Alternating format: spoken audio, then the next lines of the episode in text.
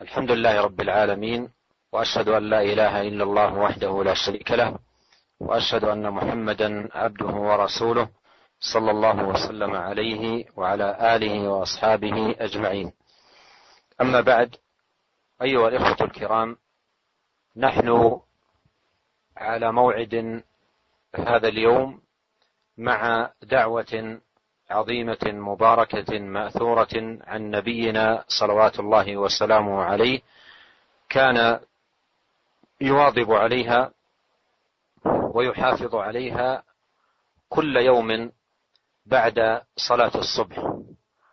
وقبل ذكر هذه الدعوة والكلام على معانيها ودلالاتها أقدم بمقدمة مختصرة في بيان فضل الصباح وفضل البكور وما جاء فيه من فضل في هدي نبينا صلوات الله وسلامه عليه Bismillahirrahmanirrahim. Alhamdulillah segala puji kita panjatkan kehadirat Allah Subhanahu wa taala.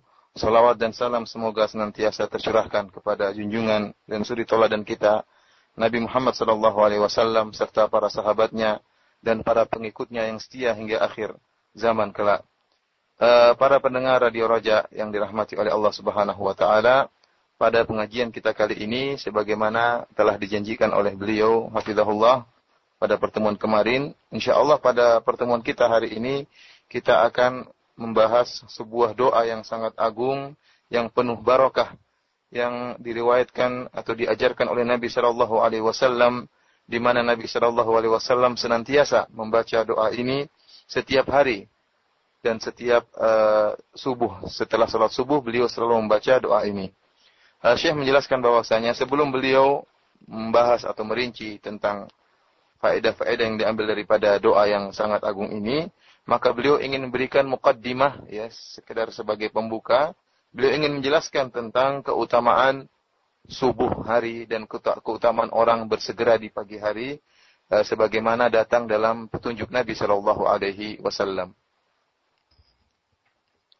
أيها الأخوة المستمعون ثبت في سنن الترمذي وسنن أبي داود وغيرهما من حديث صخر بن وداعة الغامدي رضي الله عنه أن رسول الله صلى الله عليه وسلم قال اللهم بارك لأمتي في بكورها فهذه دعوة مباركة عظيمة آه، دعا بها النبي صلى الله عليه وسلم لأمته في هذا الوقت المبارك الذي هو البكور حيث دعا صلوات الله وسلامه عليه bil barakah. Para pendengar yang dirahmati oleh Allah Subhanahu wa taala, telah valid telah sah uh, dari hadis yang sahih yang diriwayatkan oleh Imam uh, Tirmidzi dan juga Imam Abu Dawud dan Darimi dan yang lainnya dari seorang sahabat yang bernama Sakhar bin Wada'ah Al-Ghamidi radhiyallahu taala anhu bahwasanya Rasulullah sallallahu alaihi wasallam pernah bersabda Allah pernah berdoa Allahumma barik li ummati fi bukuriha yang artinya ya Allah berikanlah berkah pada umatku yaitu e, di pagi hari mereka. Ini adalah doa yang dipanjatkan oleh Rasulullah sallallahu alaihi wasallam kepada umatnya agar mereka memberikan perhatian terhadap waktu pagi hari ya, karena waktu tersebut waktu yang penuh barakah. والبركة معناها وجود الخير وزيادته ونماؤه. فدعا عليه الصلاة والسلام لأمته في هذا الوقت المبارك بالخير وبزيادة الخير ونمائه وكثرته. ولهذا فإن هذا الوقت المبارك يعد وقتا فاضلا وقتا ثمينا. لا ينبغي للمسلم أن يضيعه في الكسل والخمول والنوم بل ينبغي عليه أن يستقبله بجد ونشاط كما يقول ابن القيم رحمه الله تعالى في كتابه زاد المعاد قال ونوم الصبحة يمنع الرزق لأن ذلك وقت تطلب فيه الخليقة أرزاقها وهو وقت قسمة الأرزاق فنومه حرمان إلا لعارض أو ضرورة. إلى آخر كلامه رحمه الله تعالى. Dan makna barakah yaitu adanya kebaikan dan tambahan kebaikan. Jadi barakah adalah kebaikan yang banyak dan bertambah-tambah. Maka Rasulullah Shallallahu Alaihi Wasallam uh, mendoakan umatnya agar mendapatkan barokah di waktu subuh hari, waktu yang penuh barokah. Ya, karena uh, waktu ini, waktu subuh merupakan waktu yang sangat tepat dan banyak barokah yang Allah berikan. Oleh karena itu, uh, tidak tidak tidaklah pantas bagi seorang muslim untuk menyia-nyiakan waktu subuh hari ya dengan rasa malas ya atau dengan uh, tidak giat pada waktu tersebut apalagi sampai tidur di waktu tersebut karena dia akan terlepas dari waktu yang penuh barakah. Al-Imam Ibn Al-Qayyim dalam kitabnya Zadul Ma'ad memberi peringatan kepada dia. Beliau mengatakan bahwasanya waktu subuh merupakan waktu yang penuh um, untuk mendapatkan rezeki. Oleh karena itu kata beliau, orang yang tidur di pagi hari akan menghalangi dia mendapatkan rezeki. Kenapa? Karena waktu subuh yaitu waktu di mana para makhluk mencari rizkinya. Dan waktu tersebut Allah Subhanahu wa taala membagi rizki para makhluk. Maka jika dia tidur di pagi hari, ya, maka dia akan e, terhalangi dari rizki Allah Subhanahu wa taala. Dia boleh tidur di pagi hari kalau ada halangan ya atau karena ada suatu perkara yang darurat. ونقل رحمه الله تعالى عن ابن عباس رضي الله عنهما أنه رأى ابنا له نائما نومة الصبح فقال له قم أتنام في الساعة التي تقسم فيها الأرزاق Dan dia menukil dari Ibnu Abbas bahwasanya Ibnu Abbas radhiyallahu taala anhuma eh, melihat anaknya uh, tidur di waktu pagi hari. Maka dia pun berkata kepada anaknya, "Kum, bangunlah engkau Atanamu fi sa'ati allati tuqassamu fihil arzak? Apakah kau tidur di pagi hari di mana waktu pagi merupakan waktu pembagian rezeki? ومما ينبغي أن نعلم أيها الإخوة أن باكورة اليوم وأوله بمثابة الزمام لليوم فإذا استطعت أن تمسك أول اليوم استقام لك اليوم بتمامه. وإذا ضاع عليك أول اليوم بالخمول والكسل والنوم فإن بقية اليوم أيضا يضيع. لأن كما قال بعض السلف يومك مثل جملك. إن أمسكت أوله تبعك آخره. فإذا أمسكت أول اليوم بالنشاط والجد والذكر والطاعة والمحافظة على عبادة الله مضى يومك أجمع على خير وبخير وجد واجتهاد. ولهذا يقول ابن القيم رحمة الله عليه كلاما معناه أن ما كان في أول اليوم ينسحب على بقية اليوم. إن نشاطا فنشاط وإن كسلا فكسل kemudian beliau menjelaskan bahwasanya bahwasanya di waktu pagi hari itu merupakan waktu yang sangat penting dalam uh, keharian, keseharian. Maka barang siapa yang bisa memegang waktu pagi hari, yaitu dia dengan tidak tidur di pagi hari, bisa menjalankan kegiatannya pada dengan baik pada waktu pagi hari, maka hari-harinya akan dia penuhi dengan penuh kebaikan. Sebagian salaf, sebagian orang mengatakan bahwasanya harimu seperti ontamu. Jika kau pegang belakangnya, maka engkau, engkau akan mengatur yang setelahnya. Artinya apa? Artinya jika di pagi hari Eh, kita bisa menjalankan kebaikan di pagi hari dengan penuh ibadah, dengan penuh uh, kegiatan, ya maka insya Allah selanjutnya yang dari siang sampai malam, insya Allah kita akan demikian hari kita akan dipenuhi dengan kegiatan, dipenuhi dengan ibadah. Hal ini sebagaimana dijelaskan oleh Al Imam uh, eh, Ibnul Qayyim, beliau menjelaskan bahwasanya jika seandainya di pagi hari kita penuhi dengan kegiatan, penuhi dengan kebaikan, maka insya Allah sehari selanjutnya atau waktu-waktu selanjutnya sampai akhir daripada hari tersebut akan dipenuhi dengan eh, kebaikan dan penuh dengan ibadah. Sebaliknya jika di pagi hari ternyata kita lalai, kita malas-malasan, maka hari tersebut akan kita penuhi dengan rasa malas dengan penuh uh, apa namanya tidak ada kegiatan sama sekali dan tidak ada ibadah kepada Allah Subhanahu wa taala. ولهذا فإن المسلم الجاد يستقبل يومه بالنشاط والجد والاجتهاد. لا يستقبله بالكسل. وأعظم شيء يستقبل يومه فيه صلاة الفجر. ومن صلى الفجر في جماعة فهو في ذمة الله.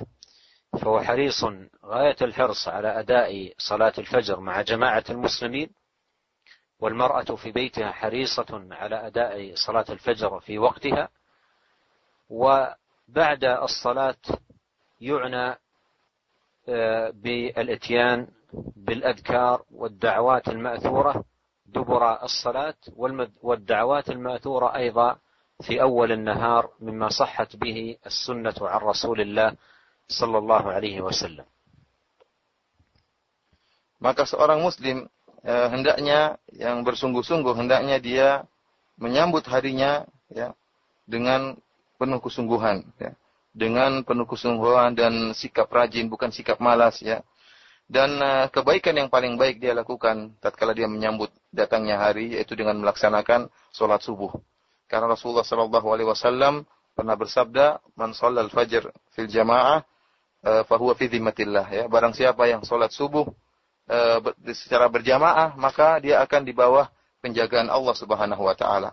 Ini bagi laki-laki. Adapun bagi ibu-ibu, demikian juga uh, para wanita yang lain, bahwasanya mereka sholat di rumah mereka.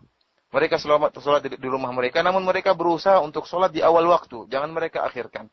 Agar mereka juga mendapatkan uh, kemuliaan atau penjagaan dari Allah Subhanahu wa taala. Kemudian setelah sholat subuh, maka hendaknya seorang muslim berusaha untuk membaca doa-doa yang disunahkan oleh Rasulullah sallallahu alaihi wasallam setelah sholat. Demikian juga memperhatikan doa-doa yang diajarkan oleh Rasulullah sallallahu alaihi wasallam tatkala di pagi hari. ومن يضيع صلاة الفجر فإنه حقيقة حكم على يومه كله بالضياع ويكون قد ذبح يومه بغير سكين Syekh mengingatkan bahwasanya barang siapa yang tidak sholat subuh ya berarti dia e, pada hakikatnya telah menyembelih harinya ya harinya telah dia sembelih tanpa tanpa pisau ya artinya dia telah menyia-nyiakan harinya seluruhnya Oleh karena itu tidak boleh dia sampai ketinggalan sholat subuh. والآن نشرع أيها الإخوة المستمعون في ذكر الدعوة العظيمة التي كان يواظب عليها نبينا صلى الله عليه وسلم كل يوم بعد صلاة الصبح. Maka insya Allah kita akan uh, memulai menjelaskan tentang doa yang sangat agung atau zikir yang sangat agung yang senantiasa dibaca oleh Nabi Shallallahu Alaihi Wasallam setiap hari, setiap salat subuh. Kita dengarkan penjelasan beliau, hafizahullah. روى الإمام أحمد في مسنده وابن ماجة في سننه من حديث أم سلمة زوج النبي صلى الله عليه وسلم رضي الله عنها أن النبي صلى الله عليه وسلم كان يقول إذا صلى الصبح حين يسلم اللهم إني أسألك علما نافعا ورزقا طيبا وعملا متقبلا. Uh, diriwayatkan oleh Al Imam Ahmad dalam mustadnya, demikian juga dalam uh, Ibnu Majah dalam sunannya dari hadis Ummu Salamah istri Nabi sallallahu alaihi wasallam beliau berkata anna Nabi sallallahu alaihi wasallam kana yaqulu idza shalla subha hina yusallim. Bahwasanya Nabi Shallallahu Alaihi Wasallam beliau setelah salam dari sholat subuh maka dia berkata Allahumma inni as'aluka ilman nafi'an wa rizqan tayyiban wa amalan mutaqabbalan. Yang artinya ya Allah aku minta kepada engkau ilmu yang bermanfaat dan rizki yang baik dan amal yang diterima وأود من كل واحد من الإخوة المستمعين والأخوات المستمعات أن يتأمل في هذه الدعوات الثلاث أو المطالب الثلاث التي يدعو النبي صلى الله عليه وسلم بها كل يوم بعد صلاة الصبح. وليتأمل أيضا في المناسبة بينها وبين هذا الوقت الفاضل. فلماذا اختار النبي عليه الصلاة والسلام هذه المطالب الثلاثة واعتنى بها كل يوم بعد صلاة الصبح في هذا الوقت تحديدا Uh, Syekh mengajak para pendengar sekalian untuk merenungkan ya. Kenapa Nabi Shallallahu alaihi wasallam berdoa dengan tiga perkara ini yaitu ilmu yang bermanfaat, kemudian rizki yang baik serta amalan yang diterima ya. Kenapa Rasulullah SAW berdoa dengan tiga perkara ini? Apa hubungannya tiga perkara ini dengan waktu yang mulia itu waktu subuh ya. Kenapa Rasulullah SAW memilih tiga permintaan ini tatkala selesai salat subuh. Maka Syekh mengajak para pendengar sekalian untuk merenungkan hal ini dan merenungkan juga makna dari ketiga perkara ini. Inna al-muta'ammil لهذه الدعوات يجد أن الاتيان بها في هذا الوقت مناسب غاية المناسبة لأن الصبح باكورة اليوم وأوله ومفتتحه. وهذه الأمور الثلاثة هي مطلب المسلم في يومه وفي جميع أيامه وهي أهداف المسلم في يومه وفي جميع أيامه. بل إن المسلم لا أعلم له في أيامه إلا هذه الأهداف الثلاثة العلم النافع والعمل الصالح والرزق الطيب. ولو تأملتم معي لن تجدوا هدفا آخر للمسلم زائدا على هذه الثلاث المذكورة في هذا الحديث Orang yang memperhatikan doa Nabi Shallallahu Alaihi Wasallam, tiga permintaan Nabi Shallallahu Alaihi Wasallam ini, yaitu ilmu yang bermanfaat, rezeki yang eh, baik, dan amal yang diterima oleh Allah Subhanahu Wa Taala, maka doa ini sangat pas dibacakan tatkala di pagi hari. Kenapa? Karena pagi hari merupakan pembukaan hari, ya, pembuka hari. Jika dan kita tahu bahwasanya seorang Muslim, ya, tujuannya untuk hidup di atau mengisi hari-harinya adalah tiga perkara ini. Yaitu ya, agar mendapatkan ilmu yang bermanfaat, agar mendapatkan rizki yang baik, dan agar memperoleh amalan yang diterima oleh Allah Subhanahu Wa Taala. Jika dia buka harinya dengan permintaan ini, ya, maka insya Allah dia akan mendapatkan uh, uh, keinginannya tersebut di sisa harinya. Dan Syekh mengatakan saya tidak tahu, ya, uh, tentunya kita tidak akan mendapatkan tujuan dari seorang Muslim yang lebih daripada tiga perkara ini. Seorang muslim yang benar, seorang muslim yang benar, seorang muslim yang sejati, tujuan hidupnya tentunya cuma tiga perkara ini. Ya. Ingin mendapatkan ilmu yang bermanfaat, ingin mendapatkan rezeki yang baik, dan ingin amalnya diterima oleh Allah Subhanahu Wa Taala. Maka dia mengisi hari-harinya ya dengan uh, tiga tujuan ini. والمسلم عندما يدعو بهذه الدعوات الثلاث. يستشعر دخوله يومه وافتتاحه له أن له فيه هذه الأهداف. ويدخل في يومه صاحب أهداف عظيمة وجليلة بخلاف كثير من الناس الذين يصبحون ويدخلون في أيامهم بغير هدف. يأكلون ويتمتعون كما تأكل الأنعام ليس لهم أهداف رشيدة ولا مقاصد سديدة يسعون لنيلها ويطمعون في تحصيلها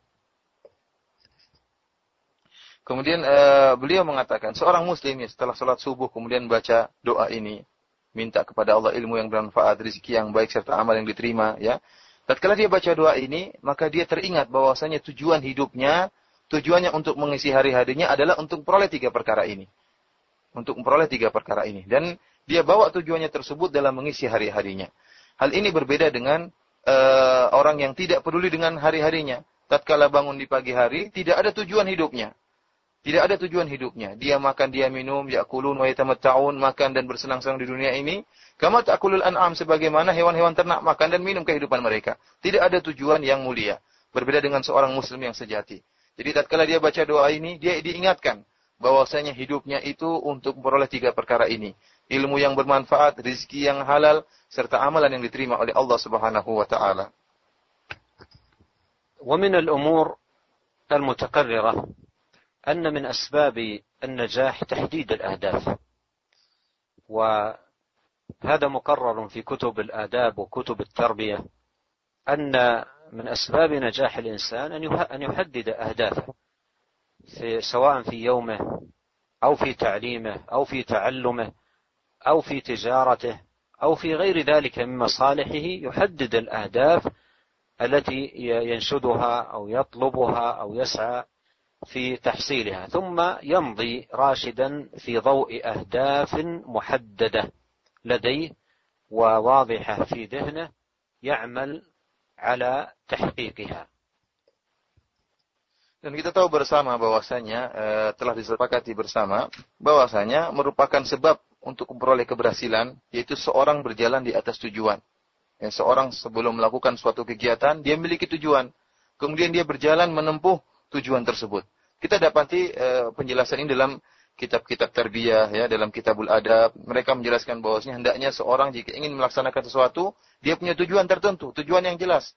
Kemudian dia melangkahkan kakinya, kemudian melakukan kegiatan berdasarkan tujuan tersebut. Hal ini uh, merupakan keberhasilan baik dalam belajar, proses belajar mengajar, ataupun dalam tatkala tijarah, berdagang, dan lain sebagainya. Seorang ingin berdagang, ingin belajar tentunya, dia menentukan tujuan yang harus dia lakukan. Sehingga dia melangkahkan kakinya, kemudian menjalankan kegiatannya berdasarkan tujuan yang telah dia gariskan.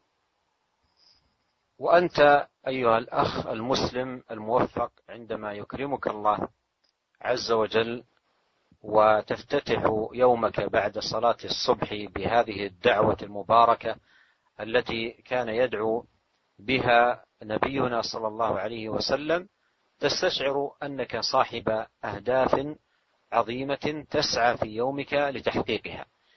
فتكون بذلك قد حصلت من هذا الحديث تحديد أهدافك في يومك بحيث تكون طوال يومك حاضرة في ذهنك واضحة عندك تسعى في نيلها.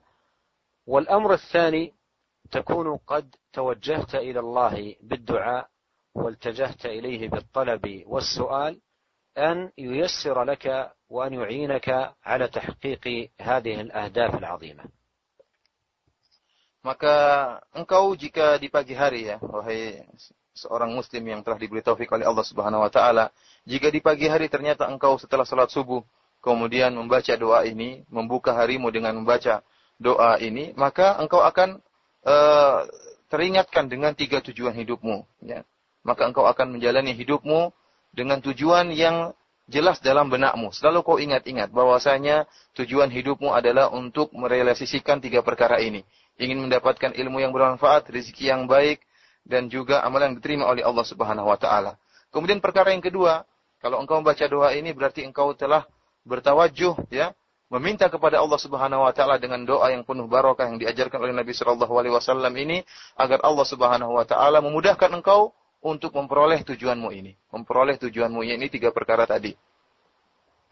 والدعاء كما قال أهل العلم مفتاح كل خير فإنك إذا أحسنت التوجه إلى الله سبحانه وتعالى بالدعاء والسؤال راجيا طامعا فإنه سبحانه وتعالى يجيب دعاءك ويبارك لك في يومك وييسر لك تحصيل هذه الأهداف كيف لا وهو القائل سبحانه وتعالى وقال ربكم ادعوني أستجب لكم. والقائل وإذا سألك عبادي عني فإني قريب أجيب دعوة الداعي إذا دعان. والقائل إن ربي لسميع الدعاء. Kita tahu bersama bahwasanya doa adalah kunci dari segala kebaikan.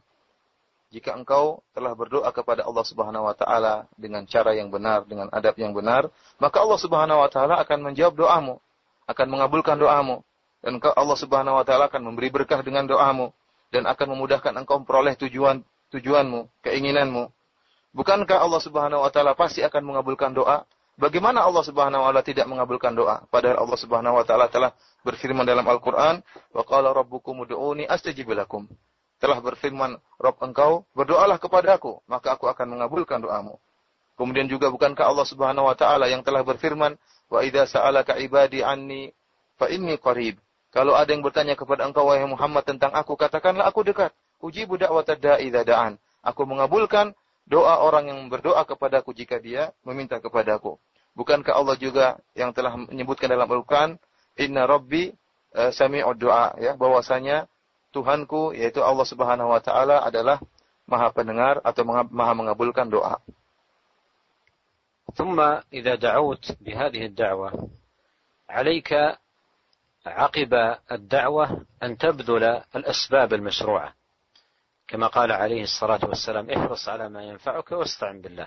فالدعاء استعانة وطلب عون ومد من الله. لكن أيضا آه، عقب ذلك تبذل السبب.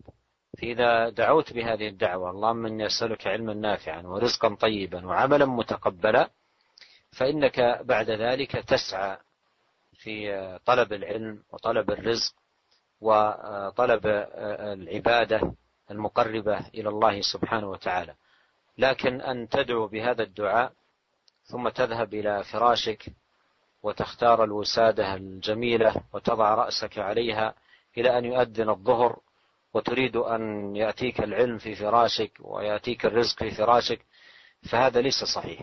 فالأمر كما قال نبينا عليه الصلاة والسلام إنما العلم بالتعلم وإنما الحلم بالتحلم. ومن يتحرى الخير يعطى ومن يتوقى الشر يوقى. Kemudian Syekh mengingatkan jika engkau telah berdoa dengan doa yang penuh barokah ini, maka engkau berusaha untuk melakukan sebab, berupaya menjalankan sebab-sebab yang bisa uh, mentahkik, bisa mewujudkan tiga perkara ini. Itu ilmu yang bermanfaat, rezeki yang halal, dan ilmu yang uh, amalan yang diterima oleh Allah Subhanahu wa taala. Bukankah Nabi sallallahu alaihi wasallam pernah bersabda, "Ihris ala ma yanfa'uka wasta'in billah." Hendaknya engkau berusaha untuk memperoleh apa yang bermanfaat bagi engkau, wasta'in billah dan minta tolonglah kepada Allah Subhanahu wa taala. Doa yang kau baca itu adalah isti'anah billah. Doa yang kita baca itu adalah permintaan pertolongan kepada Allah Subhanahu wa taala. Kemudian ihris ala ma yanfa'uka. Kemudian engkau berusaha untuk mengambil sebab, melaksanakan sebab agar memperoleh tiga perkara tersebut. Ya, berusaha untuk menuntut ilmu, berusaha untuk mendapatkan rizki, dan berusaha untuk beribadah agar ibadah kita diterima oleh Allah Subhanahu wa taala. Adapun jika seorang setelah berdoa, setelah sholat subuh kemudian baca doa ini, kemudian pergi ke tempat tidurnya, kemudian memilih e, bantal yang bagus, goleng yang empuk, kemudian dia tidur, ya, tidur sampai duhur, maka tidak akan dapat ilmu dan tidak akan dapat rezeki. Ya, dia jangan disangka cuma berdoa kemudian tidur dapat rezeki, dapat ilmu, kemudian amalannya diterima, tidak. Ya. Kata Rasulullah Shallallahu Alaihi Wasallam, Innamal ilmu bita'allum, bahwasanya ilmu itu diperoleh dengan menuntut ilmu. Wa innamal ilmu bitahallum, dan bahwasanya sikap bijak ya itu diperoleh dengan berusaha untuk memperoleh sifat sifat tersebut. Wa may yataharral khair yu'tah barang siapa yang berusaha memperoleh kebaikan maka Allah akan berikan. Wa man yatawaqqas syarr yuqah dan barang siapa yang berusaha menghindarkan dirinya dari kejelekan maka Allah akan jaga dirinya dari keburukan. Jadi kumpulkan antara doa dan berusaha. Tidak hanya berdoa kemudian tidur uh, menunggu jawaban dari Allah Subhanahu wa taala. كذلك لا يجوز أن ينقض ما ما دعا الله به فلا يقول في الصباح اللهم من يسألك علما نافعا ثم يذهب ليتعلم علوما محرمة وعلوما باطلة كالسحر أو الخرافة والبدعة والضلال بل يبحث عن العلم النافع ويتحرى تحصيله واكتسابه النافع له في دينه ودنياه ويحذر أشد الحذر من العلوم الضارة التي لا تنفع. أيضا في باب الرزق لا يقول اللهم إني أسألك رزقا طيبا ثم يبحث إلى يذهب إلى الأماكن التي ترابي أو الأماكن التي تتعامل بالقمار أو الأماكن التي تتعامل بالبيوع المحرمة أو يذهب لطلب أشياء محرمة. فهذا يتنافى مع الدعاء الذي دعاه. كذلك الأعمال الصالحة. لا يقول اللهم إني أسألك عملا صالحا ثم يذهب إلى الأماكن التي فيها الفساد والتي فيها العهر والتي فيها الانحراف. وهذا كله يناقض ما دعا الله به. فالشاهد أنه يدعو ثم يبذل الأسباب النافعة التي تحقق هذه الأهداف الجليلة Kemudian beliau mengingatkan bahwasanya jangan sampai seorang muslim setelah membaca doa ini minta kepada Allah agar diberikan ilmu yang bermanfaat, rezeki yang halal, kemudian agar amalannya diterima, kemudian dia membatalkan doa tersebut. Dia melakukan hal-hal yang bertentangan dengan permintaannya.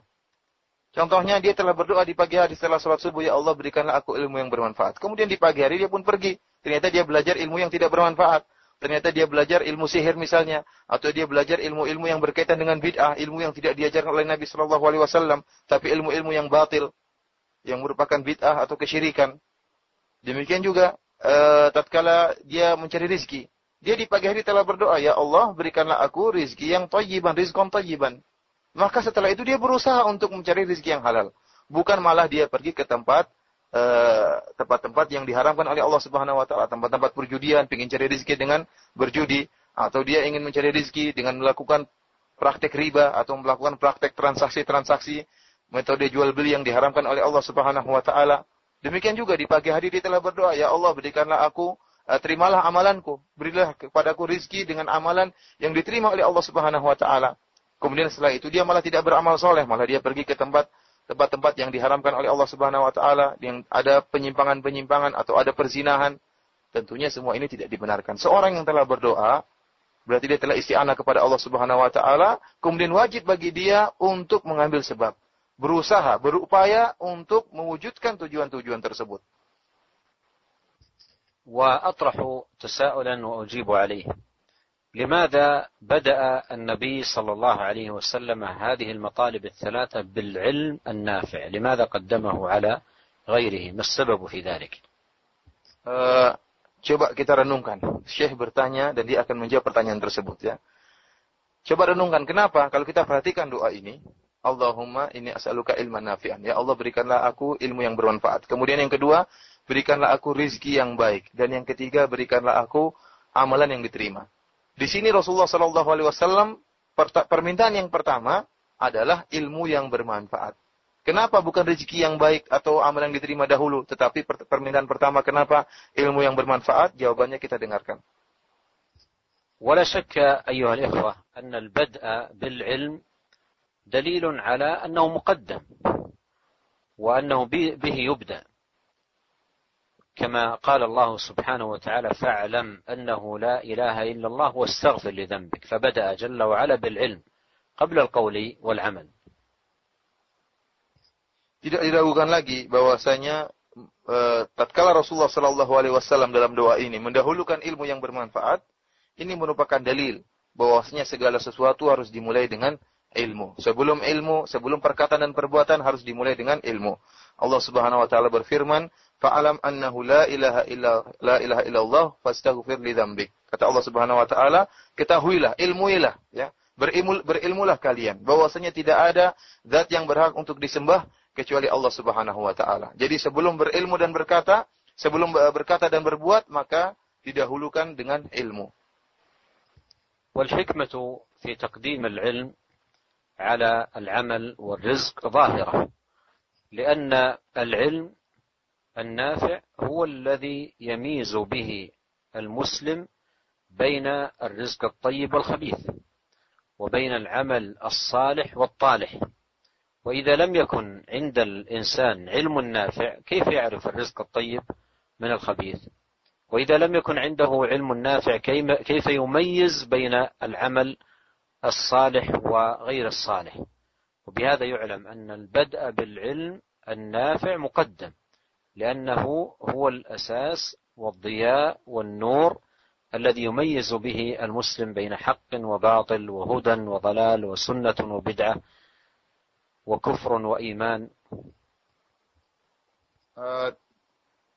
dan hikmah dari yaitu pada doa ini dahulukannya ilmu sebelum amal dan sebelum rezeki ya kenapa karena dengan ilmu yang bermanfaat seorang bisa membedakan mana rezeki yang halal dan mana rezeki yang tidak halal. Mana rezeki yang halal dan mana rezeki yang haram. Mana rezeki yang baik dan mana rezeki yang tidak baik. Demikian juga dengan ilmu yang bermanfaat, maka seorang bisa membedakan mana amal yang baik dan mana amal yang tidak baik. Semuanya bisa diketahui dengan ilmu yang yang bermanfaat. Mana amal soleh dan mana amal yang tidak soleh. Kalau seorang tidak berilmu, bagaimana dia bisa membedakan antara rezeki yang baik dan rezeki yang haram? Bagaimana bisa membedakan antara amal yang sunnah dan amal yang bid'ah? Oleh karena itu, ilmu merupakan dasar dari segala sesuatu. Ilmu adalah cahaya, adalah nur, dia ilmu, ilmu adalah cahaya, adalah uh, lampu yang terang benderang yang akan menunjukkan kepada kita jalan yang benar, yang bedakan uh, menunjukkan kepada kita mana yang sunnah dan mana yang bid'ah, mana yang merupakan kebenaran dan mana yang merupakan kesesatan. ومن لم يكن عنده علم نافع تختلط عليه الأمور وتشتبه وربما قام بالأعمال المحرمة والبدع المنكرة والأعمال السيئة وهو يحسب أنه يحسن صنعا كما قال الله تعالى قل هل ننبئكم بالأخسرين أعمالا الذين ضل سعيهم في الحياة الدنيا وهم يحسبون أنهم يحسنون صنعا Barang siapa yang tidak memiliki ilmu, maka akan rancu bagi dia segala perkara. Dia tidak bisa mengetahui mana amal yang benar dan mana amal yang tidak benar. Bisa jadi dia melakukan amalan-amalan yang bid'ah, amalan-amalan yang mungkar, dan dia menyangka bahwasanya amalan-amalan tersebut baik. Betapa banyak orang yang tenggelam di dalam bid'ah dan merasa mereka berada di atas kebaikan. Kenapa? Karena mereka tidak memiliki ilmu. Allah Subhanahu wa taala telah mengingatkan hal ini. Qul hal nunabbiukum bil akhsarina a'mala alladziina dhalla sa'yuhum fil hayatid dunya wa hum yahsabuna annahum yuhsinuna sun'a. Maukah aku kabarkan kepada kalian tentang orang yang paling merugi amalannya, paling merugi amalannya. Siapa mereka?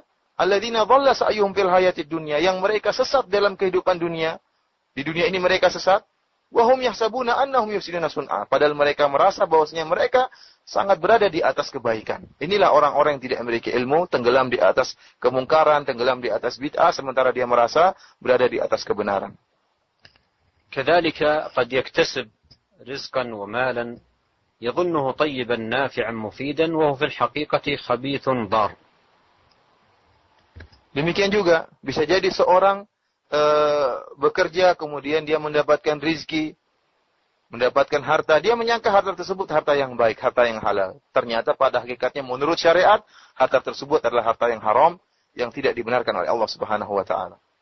وربما أيضا جاءه الشيطان وسوغ له المحرمات سوغ له أكل الربا أو سوغ, سوغ له انتهاب أموال الناس أو سوغ له نحو ذلك مما يكون سببا في هلاكه وعدوانه على الآخرين Bisa jadi juga setan datang uh, kepadanya kemudian bisikan kepada dia, merayu dia ya, menipu dia ya, untuk agar dia bisa terjerumus dalam perkara riba, terjerumus dalam uh, uh, mencuri harta orang lain ya. Setan membuat dia seakan-akan hal itu diperbolehkan ya. Namanya setan dengan berbagai macam jurusnya dia bisa menggambarkan kepada seorang sehingga yang tadinya perkaranya itu jelas haram bisa jadi halal di di benak seseorang ya setan membiusnya sehingga dia pun terjerumus dalam perkara yang riba dan perkara yang diharamkan oleh Allah Subhanahu wa taala.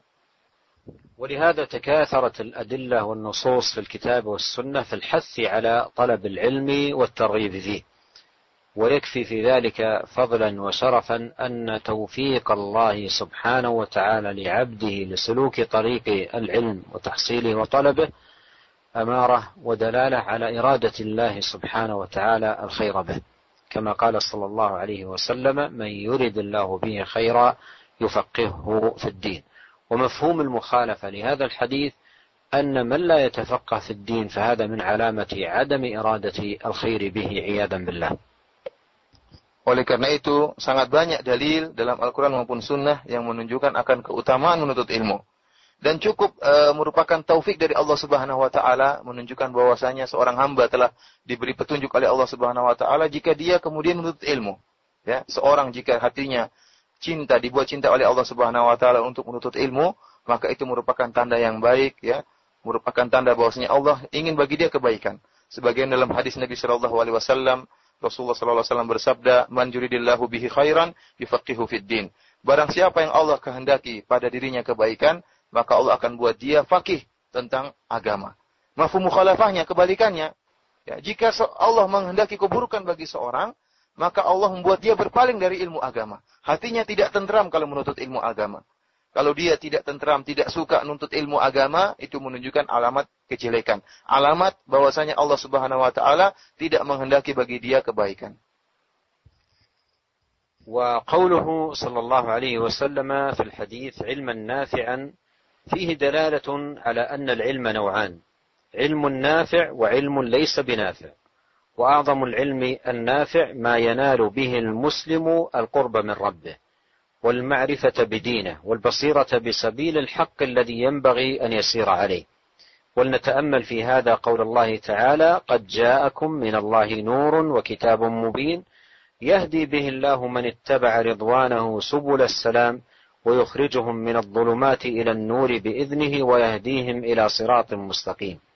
فحري بكل مسلم في يومه أن يعتني بالقرآن الكريم وبمذاكرته ومدارسته وأن يعتني كذلك بسنة النبي صلى الله عليه وسلم المبينة له والشارحة لدلالاته والموضحة لمقاصده.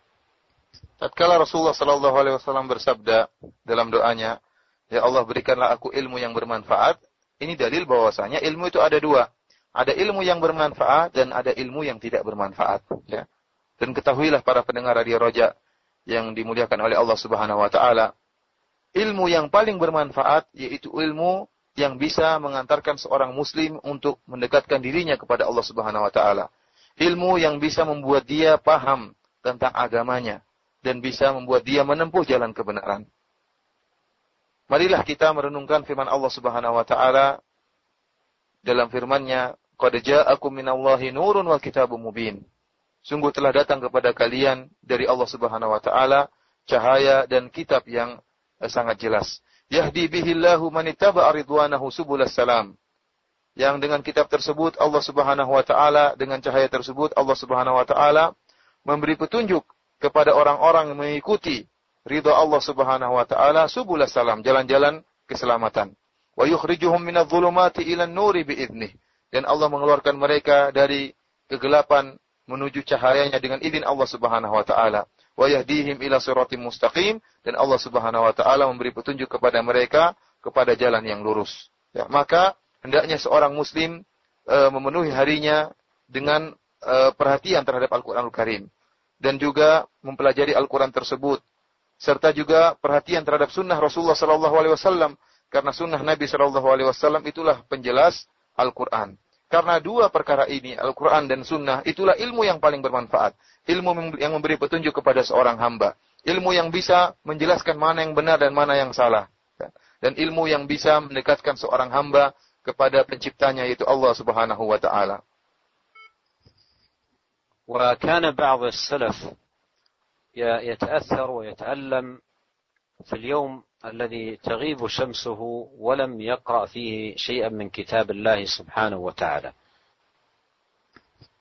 Sebagian salafus saleh yaitu mereka sangat menyesal jika dalam sehari penuh ya dari pagi hari sampai matahari terbenam dan dia tidak sempat baca Al-Qur'an.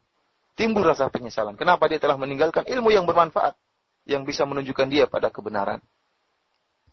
وقوله في الحديث رزقا طيبا فيه إشارة إلى أن الرزق نوعان طيب وخبيث. والله تعالى طيب لا يقبل إلا طيبا.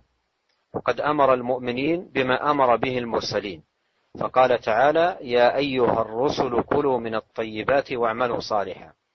وقال تعالى يا أيها الذين آمنوا كلوا من طيبات ما رزقناكم. وقد بعث الله نبيه صلى الله عليه وسلم بتحليل الطيب وتحريم الخبيث كما قال تعالى ويحل لهم الطيبات ويحرم عليهم الخبائث فحري بالمسلم في يومه أن يتحرى المال الطيب الحلال والرزق السليم النافع ويحذر أشد الحذر من الأموال الخبيثة والمكاسب المحرمة. Dan tatkala Nabi Shallallahu Alaihi Wasallam berdoa, Ya Allah berikanlah aku rizqan tayyiban, Ya Allah anugerahkan kepadaku rizki, rizki yang baik. Ini memberi isyarat kepada kita bahwasanya rizki juga ada dua. Ada rizki yang baik dan ada rizki yang khabith, rizki yang haram. Ketahuilah bahwasanya Allah Subhanahu wa taala tayyib, Allah Subhanahu wa taala maha baik dan Allah tidak akan menerima dari hambanya kecuali yang baik pula. Oleh karena itu Allah Subhanahu wa taala memerintahkan kepada kaum mukminin, memerintahkan kepada kita semua dengan suatu perintah yang Allah telah perintahkan kepada para para nabi dan para rasul. Allah Subhanahu wa taala berfirman, "Ya ayyuhar rusul kulu minat thayyibati wa'malu salihah." Wahai para rasul, makanlah dari perkara-perkara yang baik dan beramal saleh. Allah perintahkan kepada rasul untuk makan yang baik dan beramal saleh. Demikian juga Allah berfirman, "Ya ayyuhalladzina amanu kulu minat min thayyibati ma razaqnakum." Sebagaimana Allah perintahkan kepada para rasul untuk makan yang baik Demikian juga Allah perintahkan kepada orang-orang mukmin dengan firman-Nya, "Wahai orang-orang yang beriman, makanlah dari perkara-perkara yang baik yang kami telah rezekikan kepada kalian." Oleh karena itu Allah Subhanahu wa taala telah mengutus nabinya Nabi Muhammad sallallahu alaihi wasallam untuk menghalalkan segala yang baik dan untuk mengharamkan segala yang buruk. Sebagaimana dalam firman Allah Subhanahu wa taala, "Wa yuhillu lahumut thayyibati wa yuharrimu 'alaihimul khaba'ith." Nabi sallallahu alaihi wasallam yaitu menghalalkan bagi mereka perkara-perkara yang baik dan Nabi Shallallahu Alaihi Wasallam mengharamkan terhadap mereka perkara-perkara yang haram. Maka seluruh yang dihalalkan oleh Nabi itu perkara yang baik. Dan seluruh yang diharamkan oleh Nabi itu merupakan perkara yang khabith, perkara yang buruk dan perkara yang haram. Maka hendaknya seorang muslim ya memenuhi harinya dengan berupaya untuk mendapatkan harta yang halal, harta yang toyib, dan juga berupaya untuk memperoleh rizki yang baik dan rizki yang bermanfaat. Dan dia uh, sangat berhati-hati dan menjauhkan dirinya semaksimal mungkin agar tidak memperoleh harta yang haram, harta yang khabith dan tidak memperoleh yaitu pekerjaan yang haram. وقد جاء في الحديث عن النبي صلى الله عليه وسلم أنه قال كل جسد قام على السحت فالنار أولى به وهذا فيه وعيد وتهديد شديد لمن يقيم بدنه على السحت والسحت هو الباطل الذي يستجلبه لنفسه من مال أخذه بالحرام أخذه بالسرقة أخذه بالانتهاب أخذه بالظلم والعدوان أخذه بالغش والمكر أو غير ذلك. فالذي يقيم جسده ويبنيه ويبنيه ويغذيه على ذلك فالنار أولى به عياذا بالله من ذلك. Dalam sebuah hadis Nabi Shallallahu Alaihi Wasallam bersabda, "Kullu jasadin qama ala suht, fannaru aula bihi." Setiap jasad, setiap anggota tubuh yang dibangun di atas kebatilan, maka api neraka lebih utama untuk menyentuhnya. Ya. Artinya apa? Orang yang makan dari perkara yang haram, dari perkara yang batil, yang memperoleh harta dengan cara menipu, dengan cara berbuat kezaliman, dengan cara mengambil harta orang lain, harta orang lain dengan secara paksa, atau dengan gish, dengan penipuan, ya, atau dengan makar, ya. Semua dia lakukan untuk memperoleh harta, kemudian dia makan hasil hasil perbuatannya tersebut, maka akan tumbuh dalam dagingnya dan daging tersebut sangat sangat mudah untuk dibakar oleh api neraka. Maka hendaknya seorang muslim menjauhkan dirinya dari perkara-perkara yang haram agar tidak terancam dengan api neraka. وقوله في هذا الحديث وعملا متقبلا وجاء في بعض الروايات عملا صالحا. هذا يفيد أن العمل الذي يقوم به الإنسان يتقرب به إلى الله سبحانه وتعالى ليس كله متقبلا بل العمل المتقبل هو الذي وقع على الإخلاص للمعبود والمتابعة للرسول. فهذان شرطان. لا بد منهما لقبول العمل أن يكون العمل لله تبارك وتعالى خالصا ولسنة النبي صلى الله عليه وسلم موافقة فإذا كان العمل مفتقدا الإخلاص أو مفتقدا للمتابع أو مفتقدا لهما معا فإنه غير متقبل. Dan doa Nabi Shallallahu Alaihi Wasallam tatkala meminta wa amalan mutaqabbalan ya Allah anugerahkanlah kepadaku amal yang diterima. Ini isyarat dari Nabi Shallallahu Alaihi Wasallam bahwasanya tidak semua amal yang dikerjakan seorang hamba ya untuk mendekatkan diri mendekatkan dirinya kepada Allah Subhanahu Wa Taala tidak semuanya diterima oleh Allah Subhanahu Wa Taala. Tidak semua amal yang dia usahakan, dia letih dalam melaksanakannya diterima oleh Allah Subhanahu wa taala. Akan tetapi amal yang diterima oleh Allah Subhanahu wa taala yaitu amal yang memenuhi dua persyaratan, yaitu ikhlas karena mengharap wajah Allah Subhanahu wa taala dan kemudian sesuai dengan sunnah Rasulullah sallallahu alaihi wasallam. Jika ternyata ada suatu amalan yang dikerjakan bukan karena ikhlas mengharap wajah Allah Subhanahu wa taala maka tidak diterima. Demikian juga jika sebuah amalan ikhlas tetapi tidak sesuai dengan sunnah Nabi Shallallahu Alaihi Wasallam maka tidak juga diterima. Bagaimana lagi jika amalan tersebut tidak terpenuhi dua syarat persyaratan tersebut? Amal yang telah letih dia kerjakan ternyata tidak ikhlas dan juga tidak sesuai dengan sunnah Nabi Shallallahu Alaihi Wasallam. Maka tentu ini tidak akan diterima oleh Allah Subhanahu Wa Taala. وقد جاء عن الفضيل بن عياض رحمه الله تعالى وهو من علماء التابعين أنه قال في معنى قوله تعالى ليبلوكم أيكم أحسن عملا قال أخلصه وأصوبه. قيل يا أبا علي وما أخلصه وأصوبه؟ قال إن العمل إذا كان خالصا ولم يكن صوابا لم يقبل وإذا كان صوابا ولم يكن خالصا لم يقبل حتى يكون خالصا صوابا. والخالص ما كان لله والصواب ما كان على السنة. Uh, Al-Fudail bin Iyad ya telah datang dari beliau. Beliau pernah berkata ini beliau adalah seorang ulama dari kalangan tabi'in. Beliau pernah uh, berkata tatkala menafsirkan firman Allah Subhanahu wa taala liyabluwakum ayyukum ahsanu amala yaitu Allah Subhanahu wa taala menghidupkan kematian dan kehidupan yang menghidupkan kita di atas muka bumi ini. Liyabluwakum ayyukum ahsanu amala agar Allah Subhanahu wa taala uh, mengetahui uh, mana di antara kalian yang amalannya paling baik ya Beliau berkata tentang ayat ini, kata beliau, ahsanu amala, amalan yang terbaik itu apa? Yaitu akhlasuhu wa aswabuhu. Amalan yang paling ikhlas dan amalan yang paling benar. Maka dikatakan kepada dia, Ya Aba Ali, wa ma akhlasuhu wa ma aswabuhu, wahai Fudail bin Iyad, apa sih amalan yang paling ikhlas dan apa sih amalan yang paling benar? Maka beliau berkata, Innal amala idza kana khalisan wa lam yakun sawaban lam yuqbal. Sungguhnya sebuah amalan jika dikerjakan ikhlas karena Allah Subhanahu wa taala namun tidak benar, tidak sesuai dengan sunnah Rasulullah sallallahu alaihi wasallam, maka tidak akan diterima oleh Allah Subhanahu wa taala. Dan juga sebaliknya, wa idza kana sawaban wa lam yakun khalisan lam yuqbal. Demikian juga suatu amalan jika dikerjakan sesuai 100% sesuai dengan sunnah Nabi sallallahu alaihi wasallam akan tetapi tidak ikhlas karena Allah Subhanahu wa taala juga tidak diterima oleh Allah Subhanahu wa taala. Kapan diterima? Hatta yakuna khalisan sawaban. Wal khalisu ma kana lillah was sawabu ma kana ala sunnah. Amalan itu hanya bisa diterima kalau amalan tersebut ikhlas dan benar. Ikhlas yaitu dikerjakan karena Allah Subhanahu wa taala dan benar yaitu sesuai dengan sunnah Rasulullah sallallahu alaihi wasallam. وبهذا نصل أيها الأخوة المستمعون إلى نهاية الكلام على هذا الحديث العظيم والدعوة العظيمة المباركة ووصيتي جميعا لإخواني وأخواتي المستمعين والمستمعات أن يعنوا بهذه الدعوة المباركة كل يوم بعد صلاة الصبح.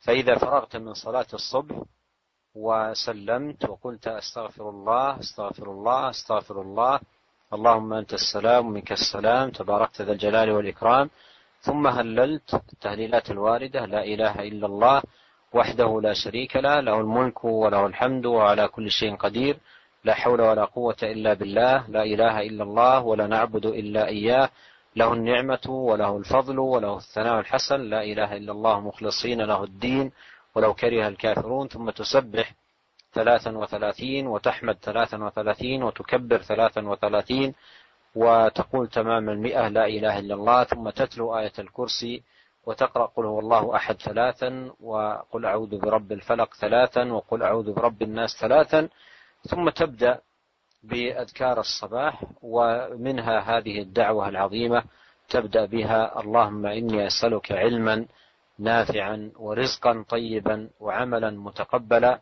وأسأل الله لي ولكم التوفيق والسداد والعون على كل خير إنه تبارك وتعالى سميع قريب مجيب Dan di penghujung pengajian kita pada uh, halakoh hari ini, pertemuan kita hari ini, maka saya memberi wasiat kepada kita semua, kepada para pendengar sekalian, ya, bapak-bapak sekalian, ibu-ibu sekalian, ya, agar benar-benar memperhatikan doa yang penuh barokah ini. Yaitu Allahumma inni as'aluka ilman nafi'an, ya Allah, aku minta kepada engkau ilmu yang bermanfaat, rezeki yang baik dan amal yang diterima oleh Allah Subhanahu wa taala. Jika kita setelah salat setelah salat subuh, maka kemudian kita berzikir zikir setelah salat subuh yaitu dengan baca astagfirullah, astagfirullah, astagfirullah. Allahumma salam. Kemudian zikir seperti biasa setelah salat salat subuh, kemudian kita bertahlil, kemudian kita bertasbih, kemudian uh, bertahmid, kemudian uh, takbir sebanyak 33 kali, 33 kali dan 33 kali dan kita sempurnakan dengan yang 100 kali membaca la ilaha illallah dahula syarika.